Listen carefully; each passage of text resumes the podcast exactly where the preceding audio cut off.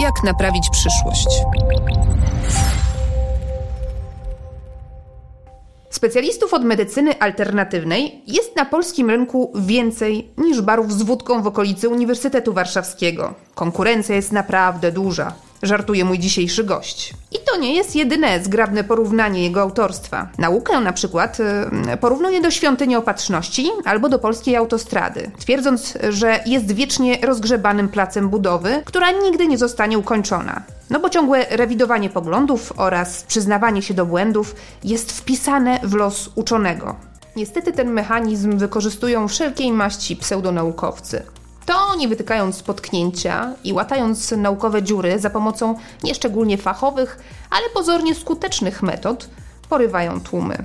O tym, jak rozpoznać pseudonaukę i dlaczego jesteśmy podatni na teorie spiskowe, porozmawiam dziś z doktorem Marcinem Napiórkowskim, semiotykiem kultury i wykładowcą Uniwersytetu Warszawskiego, który jest niezwykle utalentowanym tropicielem mitów, pseudonaukowych twierdzeń i miejskich legend. I wierzcie mi, potrafi je bardzo barwnie opisywać.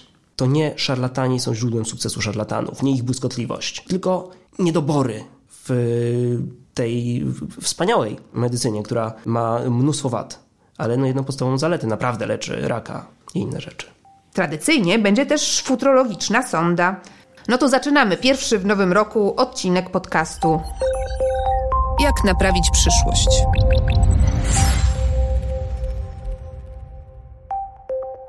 Co zrobić, gdy wszyscy trąbią o nieuchronnej katastrofie? O apokalipsie ekologicznej, technologiach, nad którymi przestajemy panować, rosnących nierównościach społecznych, cyberwojnach, populistach, fake newsach. Możesz próbować odciąć się od złych informacji, uprawiać własny ogródek i udawać, że wszystko jest w porządku. Ale możesz też wziąć sprawy w swoje ręce. Naiwność? Być może, ale wolę wierzyć w to, że działania pojedynczych ludzi mają znaczenie. O tym, jak naprawić przyszłość w duchu filozofii DIY, czyli naszego swojskiego zrób to sam, będę rozmawiać z naszymi gośćmi, ekspertami z różnych dziedzin. Postaram się też namówić ich do tego, by weszli w buty futurologów i spróbowali opisać, jak będzie wyglądał interesujący nas wycinek rzeczywistości w 2050 roku. Nazywam się Barbara Sowa i w imieniu magazynu Pismo zapraszam do słuchania podcastu. Kto będzie autorytetem w 2050 roku? O swoich wizjach na temat influencerów w przyszłości opowiedzą Ola i Piotr Stanisławscy, dziennikarze i twórcy portalu Crazy Nauka oraz Grzegorz Kazdepkę, autor kilkudziesięciu książek dla dzieci i młodzieży, dziennikarz i publicysta. Materiał jest częścią cyklu Jak naprawić internet, którego mecenasem jest Facebook. Trudno oprzeć się wrażeniu, że w naszym świecie coraz rzadziej powołujemy się na autorytety, a coraz częściej na specjalistów. Specjaliści mówią nam, jak żyć zdrowo, jak budować karierę, jak inwestować pieniądze, jak poradzić sobie z trudami rodzicielstwa. Mamy specjalistów od prawa, mamy specjalistów od diety, mamy też specjalistów od urządzania mieszkań. Specjaliści są jak starożytni greccy bogowie, z których każdy odpowiadał za coś innego. Była bogini piękności, i była bogini mądrości. Był Bóg wojny i był Bóg kupców. W pewnym sensie byli to specjaliści od urody, edukacji, od militariów i od ekonomii. Specjaliści, o których można jednocześnie powiedzieć, że są autorytetami w swoich dziedzinach. Specjaliści, z którymi kontaktowano się za pomocą kapłanów, a zatem także specjalistów takich od komunikacji. Jest więc wyraźna różnica pomiędzy autorytetem a autorytetem w swojej dziedzinie. Różnica, którą podświadomie wyczuwamy. Autorytet w swojej dziedzinie, na przykład helenista, pozostanie autorytetem w swojej dziedzinie nawet wówczas, gdy zrobi jakieś świństwo, gdy uwikła się w machlojki, gdy złamany przez służby bezpieczeństwa zacznie donosić na przyjaciół, gdy uwiedzie własną pasierbicę. Nadal będzie znakomitym helenistą, znawcą starożytnej Grecji. Można więc być podłym człowiekiem i autorytetem w swojej dziedzinie. Jednocześnie. No a autorytet, taki autorytet z duże litery, mm, taki, któremu aż się chce dopisać przymiotnik prawdziwy. Taki autorytet nigdy nie popełni świństwa. Jak więc odróżnić specjalistę, jakim jest autorytet, autorytet w swojej dziedzinie, od prawdziwego autorytetu? Można to sprowadzić do żartu. Specjalista odpowiada na pytanie, jak żyć fit, autorytet jak żyć. Przy czym ten pierwszy na pewno będzie miał bardziej gadane. Słyszy się czasami, że dla kogoś autorytetem była babcia, dla kogoś innego ojciec czy mama.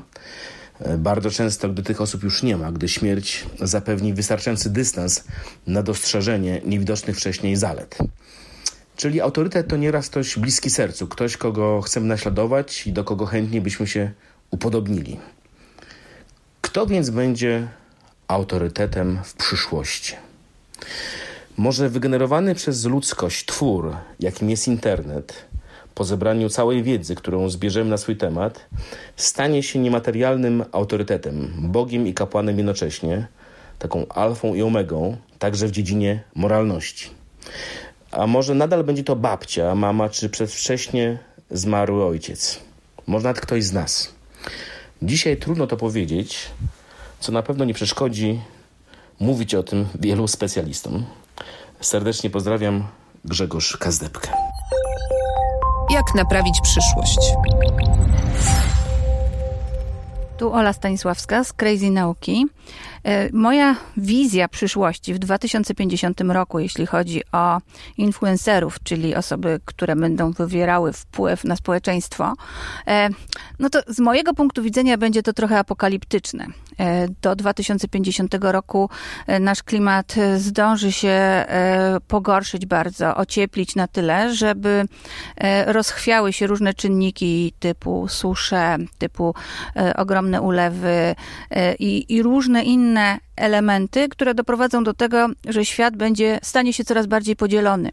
Nastąpi, nastąpią konflikty o zasoby, o jedzenie, e, o to, żeby w ogóle mieszkać w takim rejonie, gdzie jest w miarę chłodno. E, i społeczeństwa będą się dzieliły. I e, ci influencerzy, którzy pojawią się w tym czasie, którzy będą aktywni, e, będą musieli być, tak mi się wydaje, wpływowymi ludźmi, bogatymi, których będzie stać na dostęp do tych zasobów, no i na dostęp do internetu, bo to już też nie będzie takie narzędzie codzienne jak w tej chwili, tylko podejrzewam, że wskutek podziałów, które będą następowały, internet w poszczególnych krajach będzie się zamykał na zagranicę, więc będą internety narodowe i w tych bańkach narodowych powstaną, e, spopularyzują się ci influencerzy, e, którzy będą w danym kraju wpływowi i bogaci. Także mamy, ja tak, jak tak to widzę, że to będzie e, czas oligarchów, którzy będą nam narzucali, co mamy myśleć. I to nie jest zbyt optymistyczna wizja. Mam nadzieję, że Piotrek z Crazy Nauki, mój mąż, współtwórca e, naszego bloga, będzie miał coś bardziej optymistycznego do opowiedzenia. Cześć, tak, tu Piotrek, Crazy Nauka. E, cóż, ja nie wiem, czy moja wizja będzie bardziej optymistyczna, moja wizja będzie bardziej technologiczna, to na pewno. E, dlatego, że po pierwsze, wydaje mi się, że ten okres to będzie czas, mówię, można powiedzieć, powrotu Ubuntu. Y, trochę jak lata 60. i 70. XX wieku. Y, też dlatego, o czym Ola mówiła, to znaczy ze względu na właśnie zmiany klimatu i wynikające z tego y, bardzo intensywne zmiany społeczne. Pewnie do głosu dojdą bardziej grupy, hmm, powiedzmy, radykalne, grupy wyrażające gniew młodych ludzi, ale myślę też, że mm, technologia bardzo tu wiele będzie miała do powiedzenia, dlatego że są też do tego czasu zupełnie spopularyzują się już rozwiązania, mm, powiedzmy, będące interfejsem mózg-komputer. E, więc być może będziemy w stanie nagrywać na przykład nasze emocje, wrażenia, wizje. E, jeżeli ktoś by potrzebował sięgnąć do jakiegoś dobrego źródła i zobaczyć, jak to może wyglądać, to bardzo polecam. Super niedoceniony film e, Strange Days znakomity moim zdaniem. Tam jest właśnie wizja takiego nagrywania tego, co człowiek widzi i czuje. I sądzę, że właśnie to może być czas również radykalizacji tych influencerów, to znaczy ludzie, którzy będą nagrywali rzeczy najostrzejsze, najdziwniejsze, najbardziej niesamowite, e, mogą się stać idolami. Już coś te, takiego widać momentami w tej chwili na YouTubie, ale tam to może być znacznie intensywniejsze, znacznie mocniejsze e, i dlatego sądzę, że właśnie technologia będzie tym, co będzie decydowało o influencerstwie, to znaczy właściwe, najbardziej, tak powiem, na krawędzi wykorzystanie dostępnych środków technologicznych. Ja jeszcze może dorzucę, że jedna i druga wizja się nie wykluczają, bo w nurcie oficjalnym będą rządzili oligarchowie, a w nurcie nieoficjalnym będą anarchiści. Prawdziwi, tak, pra, prawdziwi influencerzy, a oligarchowie będą jak zwykle, jak to ci u władzy dawali swoją narrację. Jak naprawić przyszłość?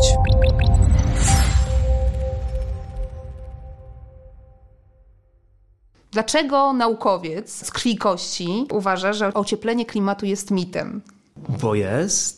Jeśli podejść do tego poważnie i naukowo, wiemy, że mity to opowieści, które organizują nasz świat i pozwalają nam podejmować, mam nadzieję w tym przypadku, skuteczne działania, jednoczyć wysiłki wielu jednostek w jakimś wspólnym przedsięwzięciu. W tym sensie zmiana klimatu czy E, szerzej walka z katastrofą klimatyczną jest e, niewątpliwie jednym z najważniejszych mitów współczesności i bardzo dobrze jest to efekt wysiłków doskonale prowadzonych i skoordynowanych moich kolegów, którzy nie tylko prowadzą badania w tym zakresie, ale również w coraz większym stopniu muszą uwzględniać w swojej pracy naukowej taką komunikację wyników tych badań, żeby one nie tylko docierały do opinii publicznej, ale i wywoływały y, pożądane reakcje i zmiany. I w tym sensie każda nauka, która e, chce być skuteczna, która chce nie tylko opisywać świat, ale i go zmieniać, musi uwzględnić ten komponent, musi stać się mitem, czyli taką opowieścią zdolną poruszać szeroką publiczność. Udało się zbudować mit, który poruszył szeroką publiczność, kiedy mówimy o, o globalnym ociepleniu? Tak, tak, niewątpliwie ten 2019 y, rok y, upłynął nam pod znakiem przebicia się nareszcie wizji katastrofy klimatycznej do takiej zbiorowej świadomości w różnych wariantach. Y, naturalnie mamy tu do czynienia, fizycy pewnie lepiej by to opisali, z mechanizmem akcji reakcji, w związku z czym im silniejszy jest ten nurt przedstawiający badania naukowe, konsensus w tym zakresie, tym silniejszy jest również opór, który mówi, a ja widziałem przez okno, jest zimno, a kiedyś pamiętam, że było ciepło, albo to wszystko jest w ogóle jakiś tam spisek, a e, Greta nie istnieje, w związku z czym e, to jest pewien naturalny proces. Natomiast to, co mnie zaczęło e, niepokoić ostatnio, to wcale nie denializm klimatyczny, który wydawał się bardzo poważnym zagrożeniem jeszcze kilkanaście miesięcy temu, a to czy przypadkiem moi koledzy z nauki o klimacie i ich zachodni odpowiednicy nie przedobrzyli. W jakim sensie? Okazuje się, że jeżeli przedstawiamy możliwe negatywne konsekwencje pewnych działań, czy w tym przypadku zaniechań, możemy to zrobić zbyt dobrze i w pewnym momencie narracja przechodzi od narracji, która nas mobilizuje do walki, do zmiany, do tego, co takim trochę potocznym językiem można powiedzieć ogarnięcia się. Przechodzimy od takiej narracji do narracji, no dobra, już pozamiatane, posprzątane, pora położyć się i umierać. Zrobić, tak. Nakryć się prześcieradłem i czołgać w kierunku cmentarza i wśród elit opiniotwórczych i intelektualnych y, zarówno na, na Zachodzie, jak i w Polsce taki ton fatalistyczny coraz silniej pobrzmiewa, a to bardzo źle. No tak, i przechodzimy do kolejnego mitu o końcu świata, który jest coraz bliżej. No właśnie, no właśnie.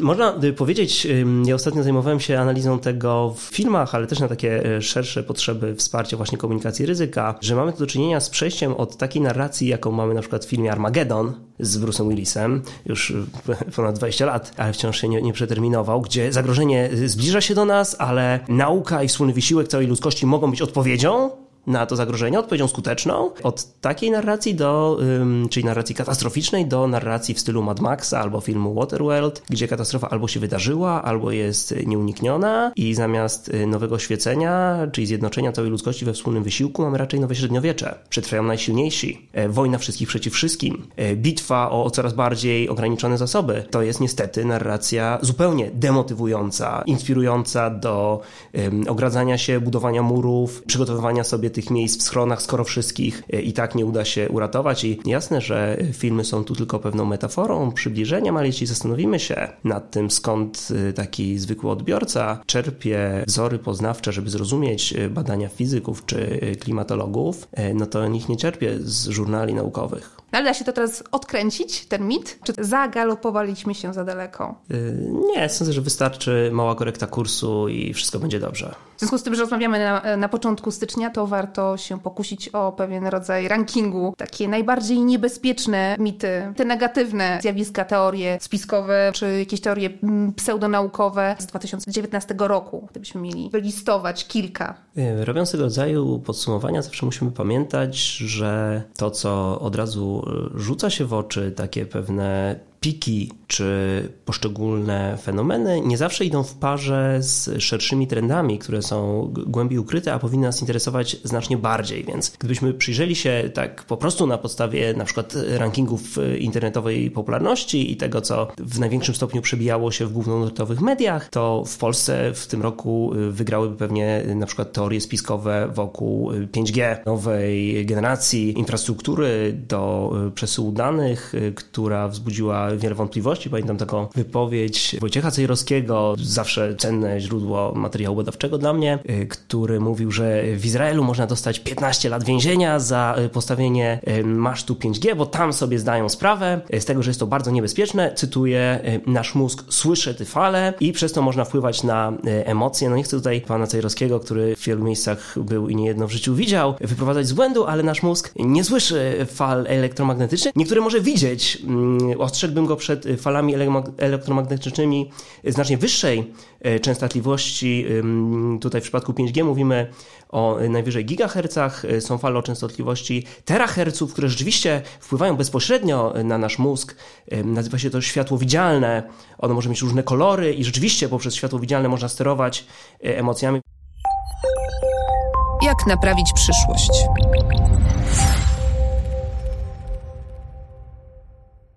Jak przyjrzymy się temu rankingowi, no to 5G jest trochę wydarzeniem przypadkowym. No, przywołałbym tu też e, teorie szambowe. Fascynująca sytuacja, kiedy mieliśmy do czynienia z tym e, wyciekiem nieczystości do Wisły i wokół tego z jednej i z drugiej strony politycznej barykady narastały niesamowicie ciekawe opowieści, które pokazywały kolejny interesujący element mitów. Mitologia, żeby być skuteczna, wpisuje niespodziewane, przypadkowe zdarzenie w struktury tego, co już znamy, bo mit nie znosi przypadku. W związku z czym to musi być albo wina koalicji, albo wina opozycji, albo zasługa tych, których lubimy, albo wina tych, których nie lubimy. Nigdy nie było tak źle, y, nigdy nie było tak dobrze. Potrzebujemy jakiejś tam ostatecznej y, odpowiedzi, ale tak jak mówię, od tych poszczególnych takich erupcji czy pików na wykresie, do których jeszcze o tutaj dołączył na przykład edukację seksualną, która była hitem teorii spiskowych w tym roku. Ciekawsze są te y, podskórne trendy. Mhm które y, pokazują jakieś bardziej generalne zmiany. Y, te zmiany są mm, interesujące, bo one pokazują, że y, z jednej strony jesteśmy bardziej podatni na opowieści na przykład o strukturze teorii spiskowych, co jest związane z tym, jak funkcjonują dzisiaj media społecznościowe. Z drugiej strony jesteśmy coraz bardziej świadomi tej podatności. Mhm. I pojawia się nie tylko coraz więcej teorii spiskowych, ale i coraz więcej ruchów, posunięć, tekstów jawnie wymierzonych w teorie spiskowe, co jest bardzo dobrym zjawiskiem, bo jeżeli tutaj historia może być dla nas jakąś wskazówką, za każdym razem po upowszechnieniu się nowego medium mieliśmy do czynienia z podobną sytuacją, no, że przypomnę tutaj narzekania Platona, Swajdrosa na to, że jak wejdzie to pismo, to już w ogóle nie będzie wiadomo, kto mówi prawdę, kto kłamie, bo można napisać wszystko i nie widać, kto to mówi. Potem wszedł druk. Z radiem, z telewizją było tak No, no, nic dobrego, nic dobrego nam to nie przyniosło, dopóki się nie nauczyliśmy, że no nie wszystko, co mówią w radio, to trzeba od razu działać e, i, i, i wierzyć. E, z drukiem 150 no, lat krwawych wojen religijnych w Europie i tak dalej. Wygląda na to, że z internetem przechodzimy y, tę samą gorączkę, tylko znacznie szybciej. I dosyć szybko uczymy się na błędach, y, stąd mój niezachwiany optymizm. No, to ciekawe. Mm, rzadko kiedy spotykam optymistów, zwłaszcza mówiących o rozwoju i przyszłości internetu.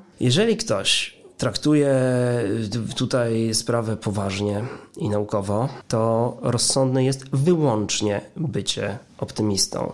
To nie jest tak, że przewidujemy w kwestiach społecznych pewne obiektywne czynniki, które zdarzą się albo nie zdarzą niezależnie od naszych przewidywań. Nasze przewidywania wpływają na rzeczywistość, w związku z czym każdy rozsądny i odpowiedzialny badacz powinien zachować tutaj optymizm. Trzeźwy optymizm, który bezlitośnie piętnuje to, co jest złe, bezsensowne i stara się to naprawić, ale nie ma sensu rysować czarnych scenariuszy. No, umówmy się, to by było kompletnie w sprzeczności do tego, co powiedziałem na początku. Katastroficzne wizje nie mają potencjału motywującego. Ale wracając do teorii spiskowych, ja w jednym z wywiadów przeczytałam twoich, że mm, twierdzisz, że, że właściwie wszyscy jesteśmy podatni na teorie spiskowe. To prawda? To prawda i to bardzo dobrze.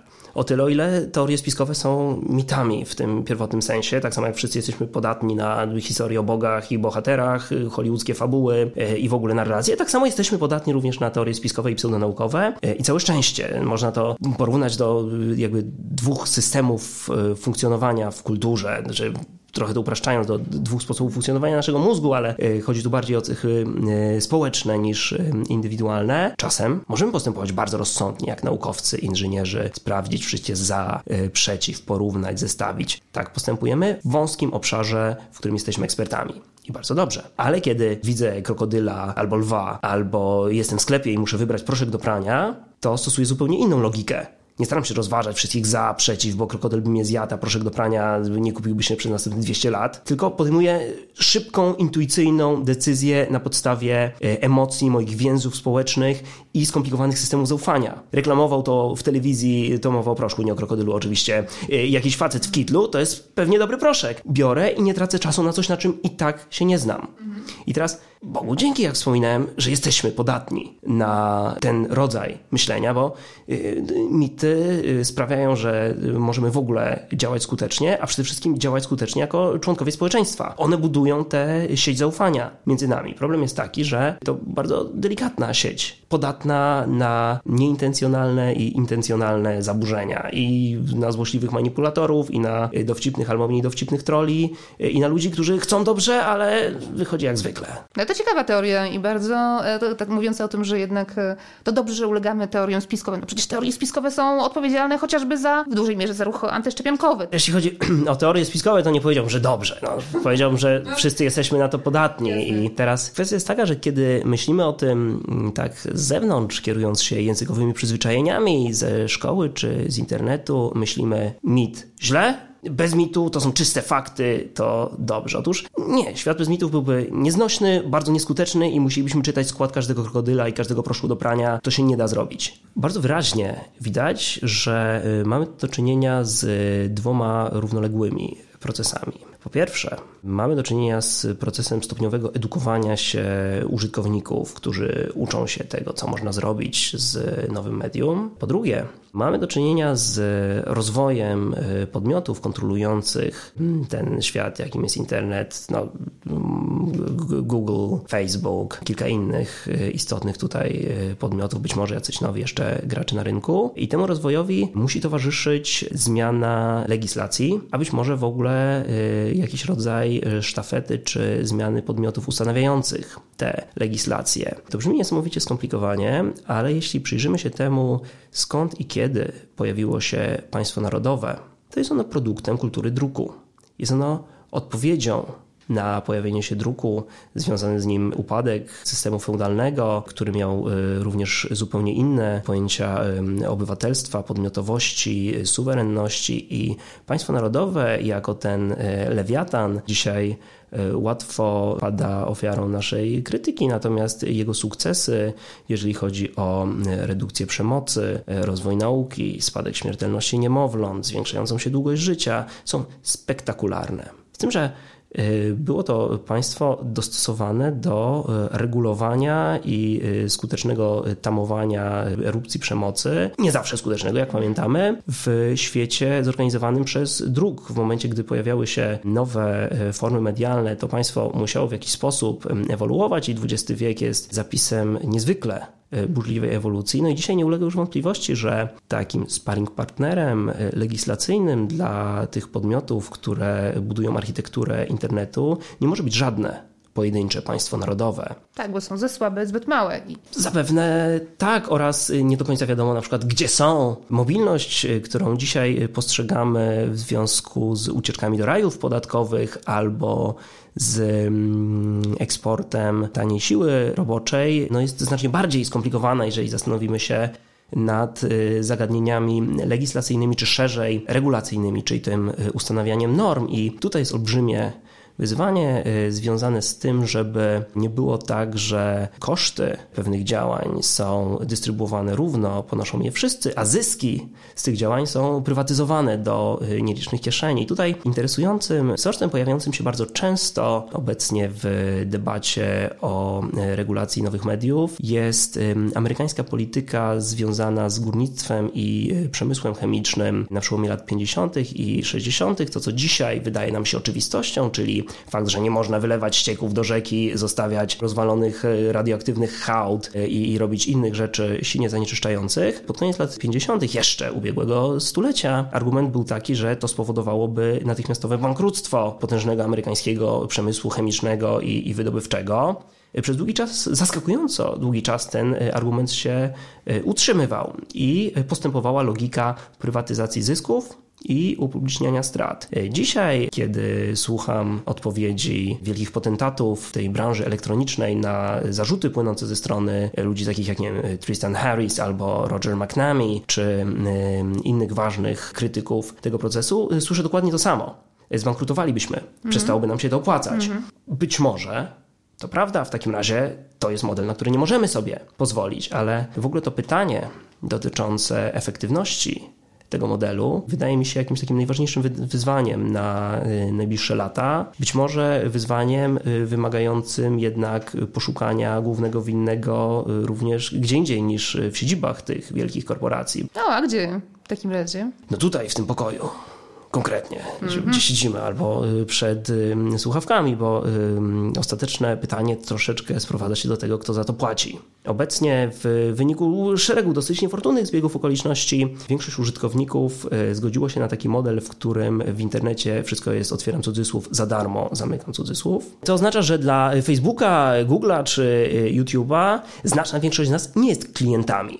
Jesteśmy zasobem, trzodą, no, jesteśmy tym, za pomocą czego Facebook i Google zarabiają, sprzedając reklamy, dane, informacje. To, co więcej, y, to rozszerza się daleko poza tych y, elektronicznych gigantów. Jeżeli przyjrzymy się temu, jak działa dzisiaj rynek y, medialny, no to mamy do czynienia z sytuacją, w której celem stacji radiowej jest wyłącznie utrzymanie słuchacza pomiędzy jednym blokiem reklamowym, gdzie jest 50 reklam supli, a drugim blokiem reklamowym, gdzie, gdzie jest 60 tych reklam, to samo z telewizją. W związku z czym, no, być może pierwotny grzech nie leży tu w chciwości Marka Zuckerberga albo przesympatycznych skądinąd y, założycieli Google'a, ale no w naszej chciwości, że strasznie chcielibyśmy uwierzyć w świat, w którym y, praca dziennikarzy, korektorów, zakup serwerów, wszystko jest za darmo, bo to przecież internet. Dlaczego pseudonauka w ogóle zdobywa tak dużą popularność? I y, dlaczego to internet jest takim medium idealnym dla pseudonaukowców?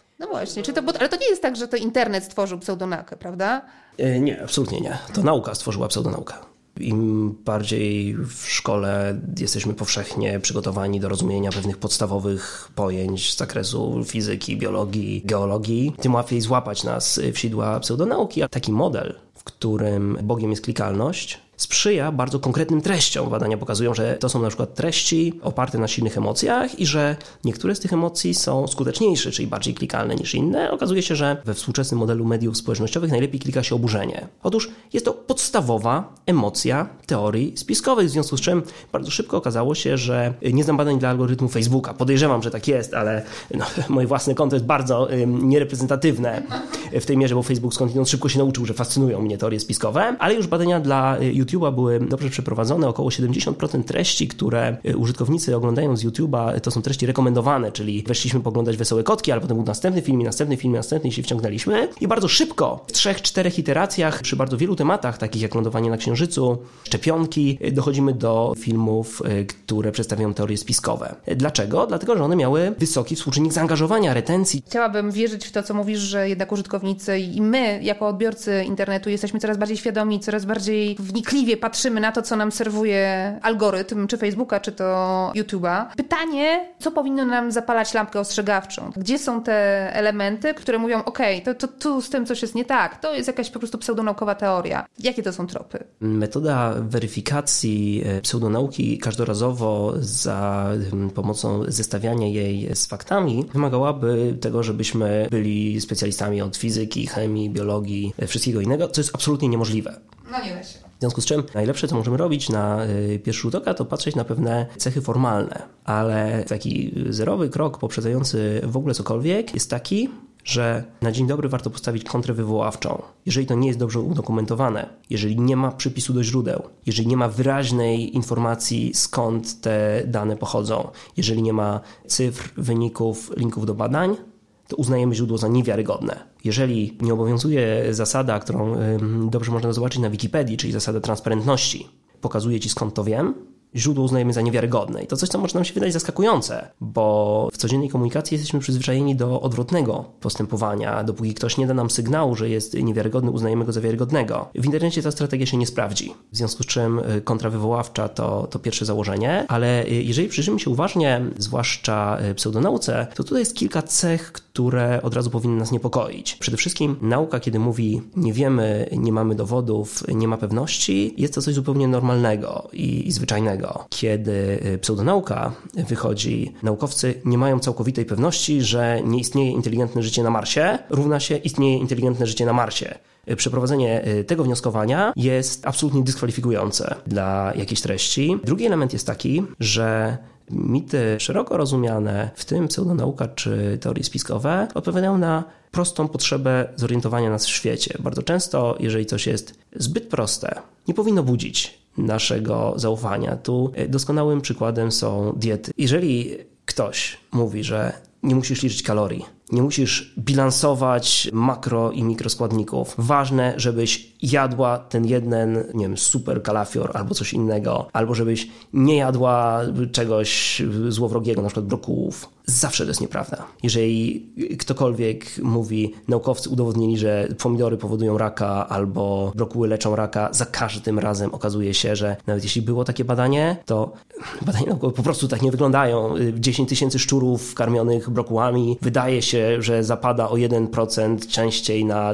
to zmyślane dane oczywiście, na taki i taki nowotwór, w związku z czym mamy y, niezwykle y, ciekawy asumpt do kolejnych badań na temat związku szczurów, brokułów, a może to było jeszcze coś innego. Świat jest skomplikowany, nauka wyjaśnia go w sposób skomplikowany. Bardzo dobrze, że mamy różne kanały upraszczania tego i kierowania, ale jeżeli ktoś próbuje zasiać panikę albo popyt na jeden określony super sposób, zawsze okazuje się, że to bzdura. Jeszcze jedna rzecz, która jest bardzo ważna. Jedno z pytań, które zawsze zadaję pseudonauce, mm, czasem osobiście i wtedy no niestety zdarza mi się mieć obity ryj, czasem internetowo i wtedy zdarza mi się tylko frustrować przed monitorem, brzmi i co z tego? Ziemia jest płaska jak talerz. Okej, okay, i co z tego?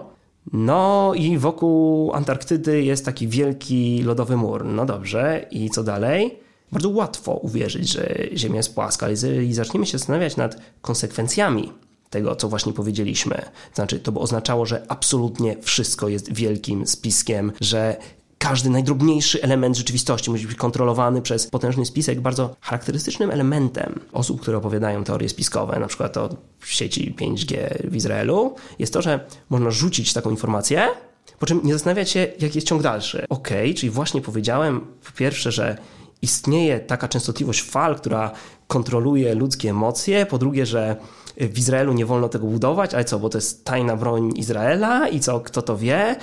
Jakby ciągnięcie dalej tej historii na zasadzie i co dalej, sprowadza już do takiego absurdu, który chyba sam twórca teorii musiałby przyznać, że jest to absurd. O to chodzi i to jest bardzo interesująca, charakterystyczna cecha pewnej formy naszej aktywności, że jesteśmy w stanie rzucać stwierdzenia, z których nie wyciągamy konsekwencji. Bardzo często eksplorowanie konsekwencji tego, co właśnie powiedzieliśmy, pokazuje nam, no, że może to jednak nie jest stanowisko, które chcielibyśmy utrzymać. A co z takim argumentem, bo z tym się spotkałam, jestem świeżo po e, świątecznym stołowaniu się z rodziną, gdzie pojawiły się bardzo różne tematy, pojawiły pojawiły się oczywiście tematy również kontrowersyjne i pojawiły się teorie spiskowe i właściwie większość z nich zaczynała się w ten sposób. Wiesz, no słuchaj, bo w kolejce w przychodni to usłyszałam taką historię. Kobieta zaszczepiła swoje dziecko i u tego dzieciaka wykryto autyzm. I oczywiście jest to historia dramatyczna i historia, która przemawia do wyobraźni, no ale co dalej? Jak poprowadzić taką dyskusję przy rodzinnym stole z kimś, kto wierzy w teorię spiskową? Przeszliśmy to krok po kroku. E, po pierwsze mamy tu klasyczną formułę otwarcia charakterystyczną dla współczesnych mitów i legend miejskich. Będąc w poczekalni usłyszałam u fryzjera, powiedziano mi, to jest już pierwszy moment, kiedy powinna nam się zapalić czerwona lampka. Po drugie mamy dowód anegdotyczny. Nauka nie posługuje się dowodami anegdotycznymi. Owszem, zarówno w komunikacji, jak i w badaniach wykorzystujemy narzędzie, którym jest studium przypadku, ale jest oczywiste, że interesuje nas statystyka a nie jednostka. I nikt rozsądny nie twierdzi, że szczepionki są stuprocentowo bezpieczne, ponieważ nic nie jest stuprocentowo bezpieczne. To też jedno z bezsensownych żądań pseudonauki. Nic nie jest stuprocentowo bezpieczne nigdy, więc nauka wyraża, mówi raczej nie o niebezpieczeństwie, ale o ryzyku, które wyrażamy w postaci y, pewnych liczb szans na to, że coś złego się y, wydarzy oraz skali konsekwencji. Natomiast co jest naprawdę interesujące, to pytanie, jak odpowiadać na taki argument. Na dowód anegdotyczny nie wolno odpowiadać y, statystyką. Liczby do nikogo nie przemówią. Tak, w związku z czym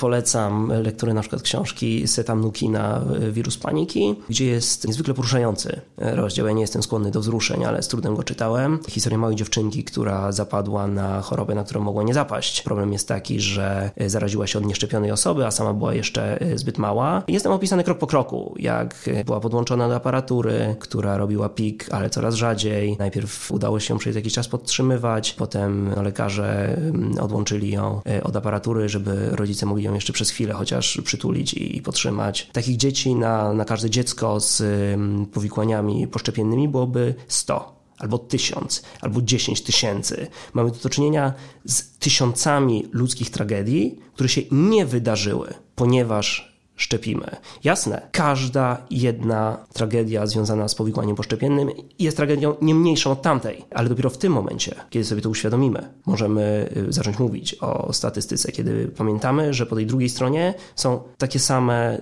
umierające dzieci, tylko jest ich więcej. Dlaczego pseudonaukowcy i osoby takie jak chociażby Cejrowski czy doktor Jerzy Zięba tak e, łatwo i tak szybko zdobywają rzesze fanów? Fanów, którzy kupują w ciemno te teorie. Mógłbym tu zaraz y, znowu zaproponować jakąś długą listę tego, co robią y, dobrze, że są cyniczni, że świetnie się marketingują, że dobrze rozumieją nowe media, że mówią nam to, co chcemy usłyszeć, ale mam taką dobrą zasadę, że jak jestem w drużynie, która y, przegrywa, to staram się zrozumieć, co robiliśmy źle, a, a oni robili lepiej. I to jest jedna z bardzo ważnych rzeczy, które możemy się nauczyć od pseudonauki. Pseudonauka w bezlitosny i bardzo skuteczny sposób obnaża wady nauki. I w przypadku y, pseudomedycyny są to wady naszego systemu ochrony zdrowia. No różni szarlatani i znachorzy, nie chcę ich tu wymieniać z nazwiska, również po to, żeby im nie robić reklamy, bazują na tym, że bardzo uważnie słuchają tego, co właśnie y, mówi się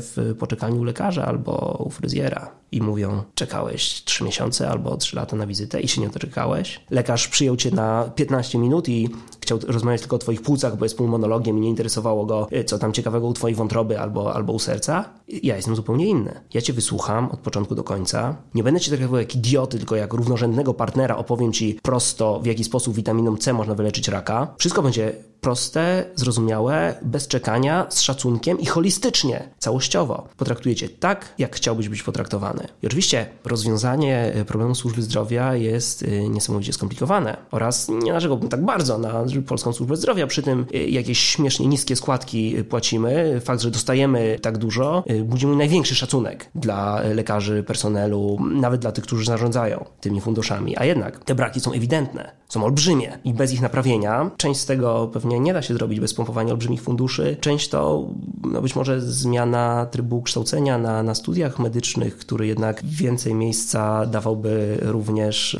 mnie i moim kolegom z nauk humanistycznych i społecznych, bo nie zawsze wyleczenie pacjenta polega tylko na wyleczeniu jego płuc i wątroby. Czasem potrzeba porozmawiać z nim, być może Nie zawsze lekarz musi to robić, to skomplikowana sprawa, ale jeżeli nie uświadomimy sobie, że szarlatani bazują przede wszystkim na poczuciu zagubienia i odrzucenia, które mają pacjenci, to będziemy walczyć z hydrą na miejsce każdej uciętej głowy i tutaj wielki szacunek dla głównego inspektora sanitarnego i wielu innych podmiotów, które w Polsce skutecznie z tym walczą. Ale na, na miejsce każdej uciętej głowy będą wyrastać dwie następne. To nie szarlatani są źródłem sukcesu szarlatanów, nie ich błyskotliwość, tylko niedobory w tej wspaniałej medycynie, która ma mnóstwo wad, ale no jedną podstawową zaletę, naprawdę leczy raka i inne rzeczy. Skoro inżynier górnictwa stał się e, guru uzdrawiania, to dlaczego tak rzadko to prawdziwy naukowiec jest e, wywyższany na piedestał i to prawdziwy naukowiec jest takim właśnie autorytetem, na którego patrzymy z uwielbieniem? No mamy takie opowieści, to na przykład y, jak niedawny film stworzył y, na nowo legendę profesora religii. Takie przykłady mamy.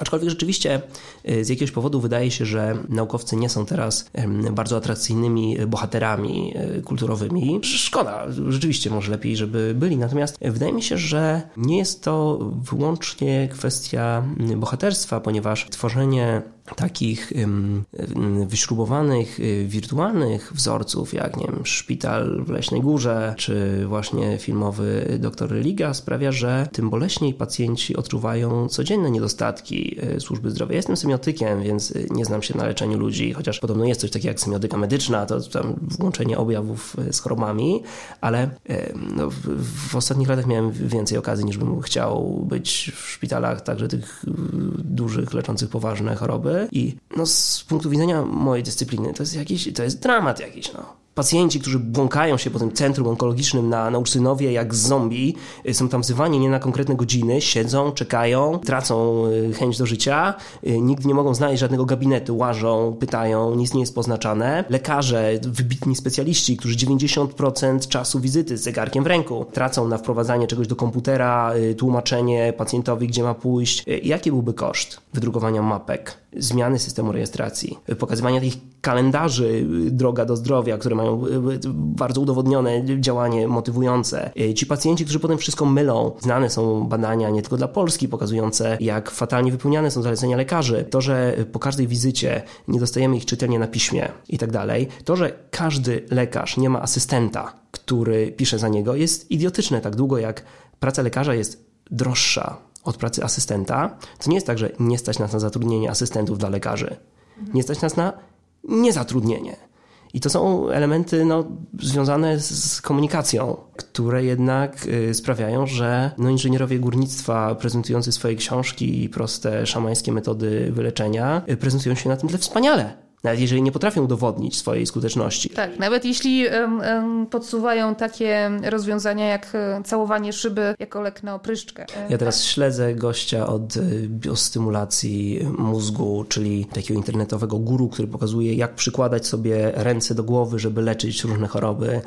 Niesamowity fenomen. Czy to jest pan, który korzysta z fenomenu również patostreamerów i właściwie jest takim trochę starszym seniorem patostreamerem? Ja takie trochę, trochę odniosłam wrażenie, jak to czytałam. To jest dokładnie ten pan. E, zaleca e, picie, palenie oraz pokazuje w jaki sposób po wypiciu pół litra wódki e, natychmiast usunąć alkohol z organizmu, przykładając sobie ręce do głowy w określonej konfiguracji można śmiało siadać do samochodu. Gość nakręca takie filmy, siedzi to na YouTubie, E, nic się z tym nie dzieje, ruszyć tego nie można. E, no, w jakich my czasach żyjemy, nie? No i jeszcze na tym zarabia. Dlaczego nie przebija się szerzej taki przekaz mówiący o tym, słuchajcie, to jest szarlatan, to nie jest żaden uzdrowiciel, to nie jest żaden guru, to jest szarlatan, który zbija na was pieniądze. Przebija się, przebija. Z tym, że musimy tu być bardzo ostrożni, ponieważ ilekroć mówimy powszechnie się przebija, zakładamy, że istnieje jedno my. Mity, wszelkie mity też te dobre, ale mm, również pseudonauka i teorie spiskowe mają bardzo zróżnicowany charakter. Dla każdego coś miłego. Każdy ma taki szampon, jakiego potrzebuje i takiego guru, e, jakiego potrzebuje. I te podziały są bardzo wyraźnie wiekowe,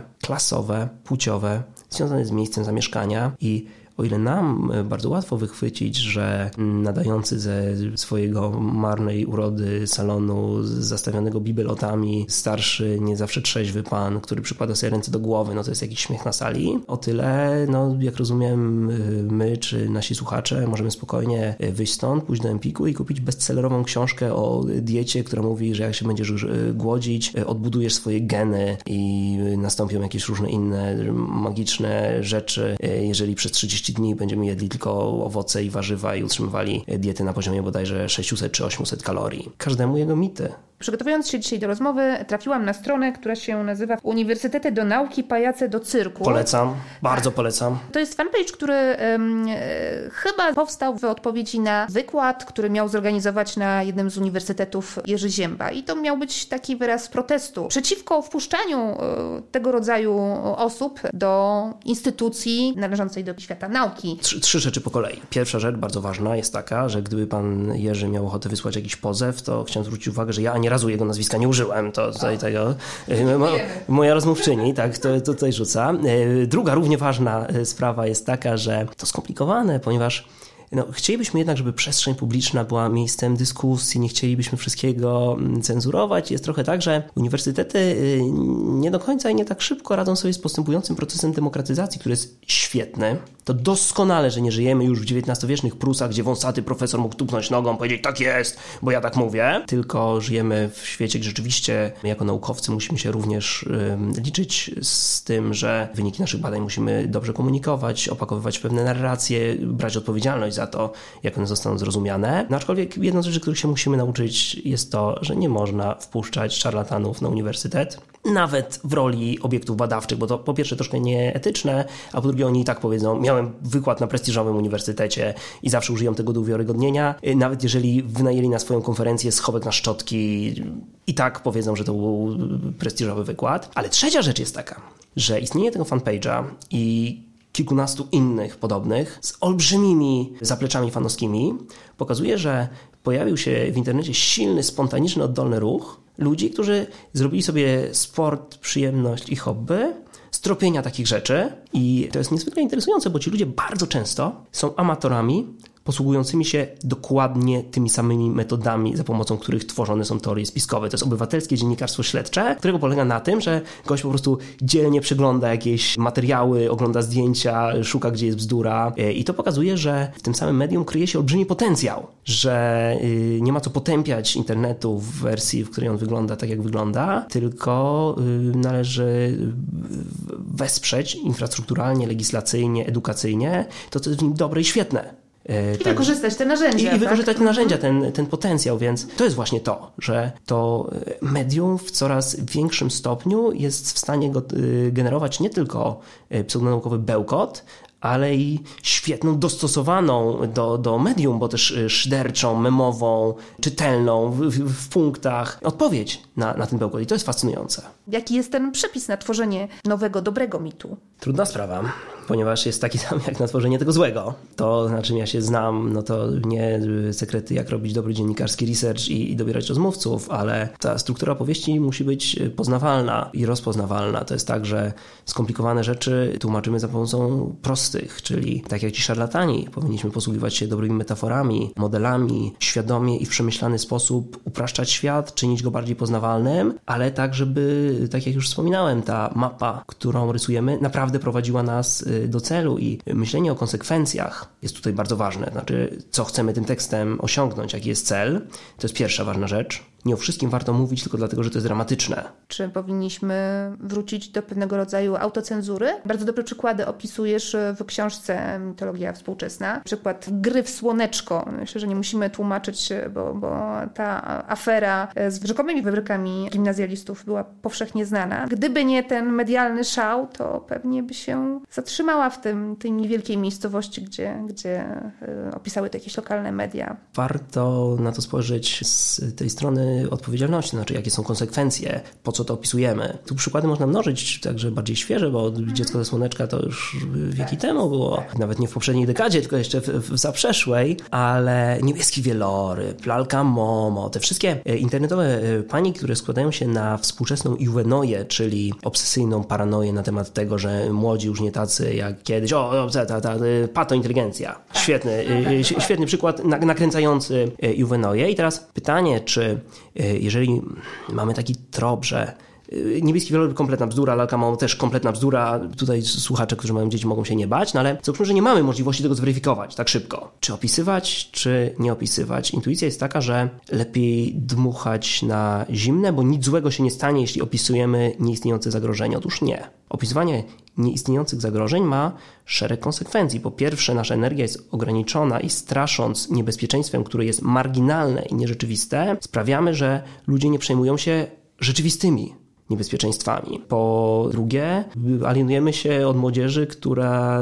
no, ma głębokie przeczucie, że jeżeli y, dyrektor szkoły czy rodzic ostrzega przed niebieskim wielorybem i mówi nie graj tak dużo w te gry komputerowe, to znaczy, że już nic kompletnie o świecie nie rozumie. A po trzecie, y, i najgorsze, działa tu heurystyka dostępności czy efekt wzorca i normy i mamy do czynienia, tak jak przy tym dziecku ze słoneczka, gimnazjaliści nie są tak głupi, żeby uwierzyć, że normą w każdym gimnazjum, jak pisały wówczas gazety, są y, orgie seksualne seksualne, ale jeżeli będą zewsząd słyszeć w mediach taki przekaz, to ich postrzeganie tego, co jest normą zachowań seksualnych, i na to mamy bardzo dobre badania, będzie się powolutku przesuwać w tamtym kierunku, bo no ja czegoś takiego nie robiłem, moi znajomi czegoś takiego nie robili, ale jeżeli się o tym mówi, no to pewnie choć odrobina prawdy y, w tym jest. I to tak jakbyśmy robili sondaż wśród y, studentów. Przeciętny student y, Uniwersytetu Warszawskiego wypija 20 piw tygodniowo. Ile piw ty wypijasz? Ta pierwotna informacja, czy jest prawdziwa, czy jest nieprawdziwa, będzie bardzo wpływać na odpowiedzi, bo ustanawia pewną normę i nawet studenci, którzy będą przekonani, że odpowiadają obiektywnie, będą bardzo silnie zakotwiczeni przez to, co już usłyszeli. No i to wszystko prowadzi nas właśnie do takiego fundamentalnego pytania o to w takim razie, o czym pisać, jak pisać, jak ostrzegać. I tu nie ma dobrych odpowiedzi. Kwestia jest taka, żeby uprościć ten obraz, że świat jest skomplikowany, żeby nie pokazać, że świat jest prosty, bo to nieprawda, ale żeby dać lepszy wgląd w to, jak on jest skomplikowany. I takim mocem czy, czy przesłaniem, które zawsze mnie przyświeca i w moich badaniach, i kiedy współpracuję z jakimiś podmiotami, które chcą usprawnić komunikację, jest to, od czego tutaj właściwie zaczęliśmy, czyli w jaki sposób ta opowieść ma wpłynąć na czyjeś działanie, czy dać narzędzia do działania. I jeżeli po historii, którą powiedziałem, mam poczucie, że odbiorca wie, co ma robić, i mam uczciwe poczucie, że istnieje przełożenie pomiędzy tymi działaniami a zmianą rzeczywistości, to czuję, że to jest dobrze wykonana robota. Jeżeli dałem poczucie, że nic się nie da zrobić, albo dałem fałszywe narzędzia, na przykład opowieść o unikaniu słomek, y, która no, okazała się kompletną katastrofą. Być może słomki początkowo były mm, zaplanowane jako symbol walki z plastikiem w oceanach, ale większość ludzi zrozumiała, że słomki zabijają żółwiki i jeżeli zrezygnują ze słomek, y, to mają już na dzisiaj odhaczony dobry uczynek i mogą kompletnie y, ignorować resztę postępowania, więc ten cel pokazywanie, że świat jest skomplikowany i z której strony można przyłożyć siłę, żeby wywołać rzeczywistą zmianę. To nie jest proste zadanie. To bardzo często wymaga rezygnowania ze spraw, które wydają się spektakularne, na y, rzecz y, spraw, które są no, bardzo banalne, ale y, faktycznie działają. No właśnie. I jeżeli myślimy w tych kategoriach, no to na przykład znacznie istotniejsze od samego położenia może się okazać wektor powietrze w wielu miastach Polski jest dramatycznie złe oraz lepsze niż było kiedykolwiek od wielu, wielu, wielu lat.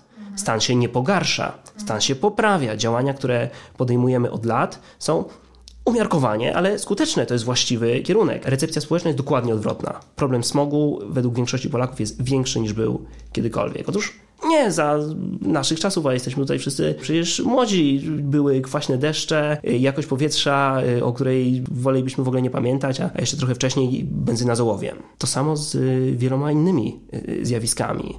Jest mnóstwo biedy i głodu na świecie, znacznie za dużo, ale nigdy nie było w tej materii tak dobrze. Polska służba zdrowia przeżywa wiele trudności i wizyta tam nie jest przyjemnością, ale wszystkie wykresy pokazują, że y, po roku 89 to jest fenomenalna historia y, postępu. I dopiero kiedy mamy taki obraz, to y, wprowadzenie tych uchwytów, co robić, co zmieniać, zaczyna być bardziej sensowne bo jeżeli budujemy tylko obraz, jak bardzo jest źle, to nawet kiedy damy czytelnikom czy odbiorcom ten uchwyt, to nie będą chcieli obrócić o 180 stopni i zrobić w tył zwrot. Cofnijmy się z powrotem do XVIII wieku albo do średniowiecza, bo wtedy było szczęśliwie, nie było tego całego przemysłu i wielu innych rzeczy oraz mm, większość populacji umierała przed ukończeniem piątego roku życia, co jest najbardziej naturalną rzeczą na świecie. Nie ma nic bardziej naturalnego niż umrzeć w niemowlęctwie. Pozdrawiam wszystkich fanów natury.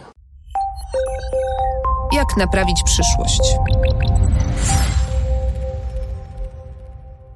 Jak ty sobie wyobrażasz, skąd będziemy czerpać wiedzę o naszym zdrowiu, o tym, jak powinniśmy żyć, co powinniśmy jeść, co się dzieje wokół nas w 2050 roku i, i kto, będzie, kto będzie naszym autorytetem, kto będzie tym naszym latarnikiem, który będzie nam oświecał drogę za te 30 lat? Na pewno podmiot nieludzki. Podejrzewam algorytm.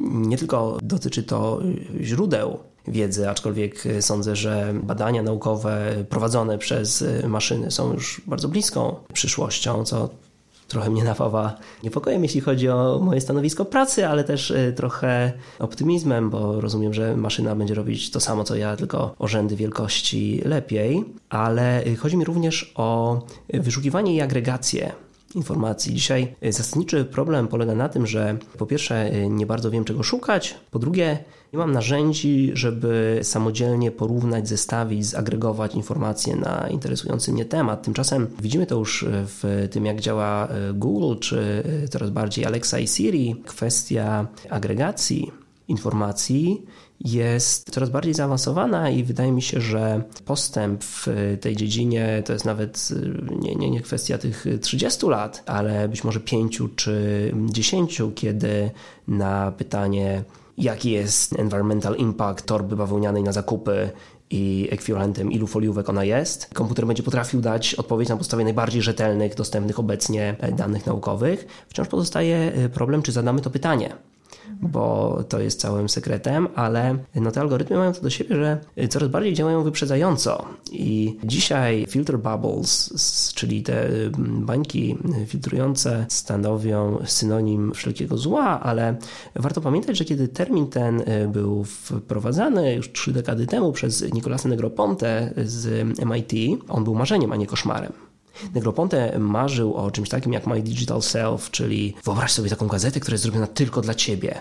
Nie interesujesz się piłką nożną, nareszcie nie ma zmarnowanych dwóch ostatnich stron jakiejś głupoty, kto co kopnął, tylko y, masz tam super ciekawe informacje z Ameryki Środkowej i z y, tamtejszej ekonomii, bo, bo tym właśnie się y, interesujesz. I ta, to marzenie się spełniło. Facebook jest dzisiaj czymś takim, tylko wydaje się, że tę ideę trzeba odrobinę skalibrować. Twórca nie przewidział y, negatywnych efektów y, takiego zjawiska. Czy jeśli rzeczywiście y, to sztuczna inteligencja będzie naszym przewodnikiem, czy to oznacza śmierć pseudonauki? Kwestia jest skomplikowana. Odpowiem na to tak. Dawno, dawno temu, jakoś tam ze, ze 3 lata temu, kończyłem taki duży projekt o teoriach spiskowych i rozpisywałem je w taką wielką tabelkę. Tę tabelkę zobaczył mój szwagier, który jest y, informatykiem i powiedział, o, a co tam kodujesz? E, no i powiedziałem, nic nie koduję, tylko rozkładam teorie spiskowe na takie mm, czynniki pierwsze, e, no żeby zobaczyć, jakie tam są podmioty, aktanci, przedmioty, działania. On mówi, ty, a ty wiesz, co by było, jakby to wszystko wpisać do komputera? Mówię, tabelka na komputerze? Nie, słuchaj, przecież moglibyśmy odwrócić ten proces i generować teorie spiskowe. Mówię, ta, nie mów. No i założyliśmy generator teorii spiskowych, który na podstawie tych wyciętych fragmentów generował teorie spiskowe i hulał sobie w internecie i był bardzo fajny. Wow, jakie teorie spiskowe wygenerowaliście? Bardzo fajne, ale niestety Okazuje się, że te teorie spiskowe zaczęły żyć własnym życiem. Był nawet na YouTube kanał, gdzie gość czytał teorie wygenerowane ewidentnie z naszego generatora, co można było rozpoznać wyłącznie po tym, że w przypływie już jak mi się zupełnie nudziło, to w tą kolumnę, gdzie byli Żydzi, masoni, cykliści, komuniści, wpisałem surykatki i delfiny. Nie wiem dlaczego to zrobiłem, ale teraz się bardzo cieszę, że to zrobiłem. I metodą wyszukiwania mm, pewnych powtarzalnych struktur z surykatkami i delfinami mogliśmy odkryć, co się dzieje z naszymi teoriami. Generator jest zamknięty teraz. Okej. Okay. E, I zastanawiamy się, co, co, można z tym począć. Natomiast, no kto wie, no, przez cały czas byłem optymistą, więc jeśli mogę sobie na chwilę pozwolić na, na ton stylu czarnego lustra, e, no może przyszłością jest cyberznachor, który będzie dostosowywał e, swoje pseudonaukowe brednie już nie tylko do grup i klas społecznych, ale indywidualnie dla każdego z nas będzie wiedział, co nas kręci, podnieca, przeraża i będzie nam wymyślał takie diety, akcje społeczne i inne rzeczy, żebyśmy nie mogli się już zupełnie oprzeć. To było straszne i tak jeszcze z, z wirtualnym awatarem. To prawda. Ja mam nadzieję, że to pozostanie w kategorii science fiction. No jakby się ktoś z Netflixa chciał odezwać w sprawie odcinka, to służę tak przekażemy scenariuszowymi. Tak. Dokładnie. Dziękuję bardzo. To ja dziękuję. Jak naprawić przyszłość?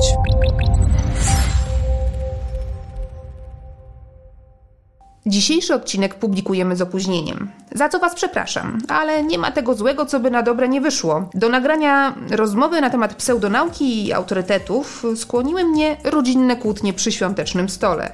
No w końcu, święta to jedna z nielicznych okazji, by w jednym miejscu spotkali się ludzie o różnych poglądach. I chcąc nie chcąc, gdy skończyły się tematy dzieci, czy braku śniegu, y, zaczęło się politykowanie. Nie wiem jak u Was, ale u mnie rozgorzały ożywione dyskusje na temat globalnego ocieplenia i ekologizmu z twarzą Grety Thunberg, y, która nie wiedzieć czemu największych przeciwników ma wśród wpływowych panów w średnim wieku. Psycholodzy pewnie mieliby tu więcej do powiedzenia. Była też emocjonalna rozmowa na temat szczepień, horoskopów i skuteczności oscylokocylum. Naukowe tezy utonęły w gąszczu spiskowych teorii i mrożących krew żyłach opowieści z kolejki w przychodni. Prawdę mówiąc, byłam trochę załamana, bo przegrałam z kretesem. Ale na następne rodzinne spotkanie przyjdę już przygotowana. Do stołu usiądę z całym zestawem pozytywnych historii o naukowcach superbohaterach i będę nimi sypać jak z rękawa. Niech to będzie moje noworoczne postanowienie. Jeśli macie jakieś pomysły, pytania, wątpliwości, piszcie do mnie w komentarzach albo na adres mailowy barbara.sowa magazynpismo.pl. Pomyślności w nowym roku życzę ja i cała redakcja pisma. A wysłuchaliście czwartego odcinka podcastu Jak naprawić przyszłość. Nazywam się Barbara Sowa i na kolejny odcinek zapraszam Was za miesiąc. Tym razem już bez obsuwy. Jak naprawić przyszłość?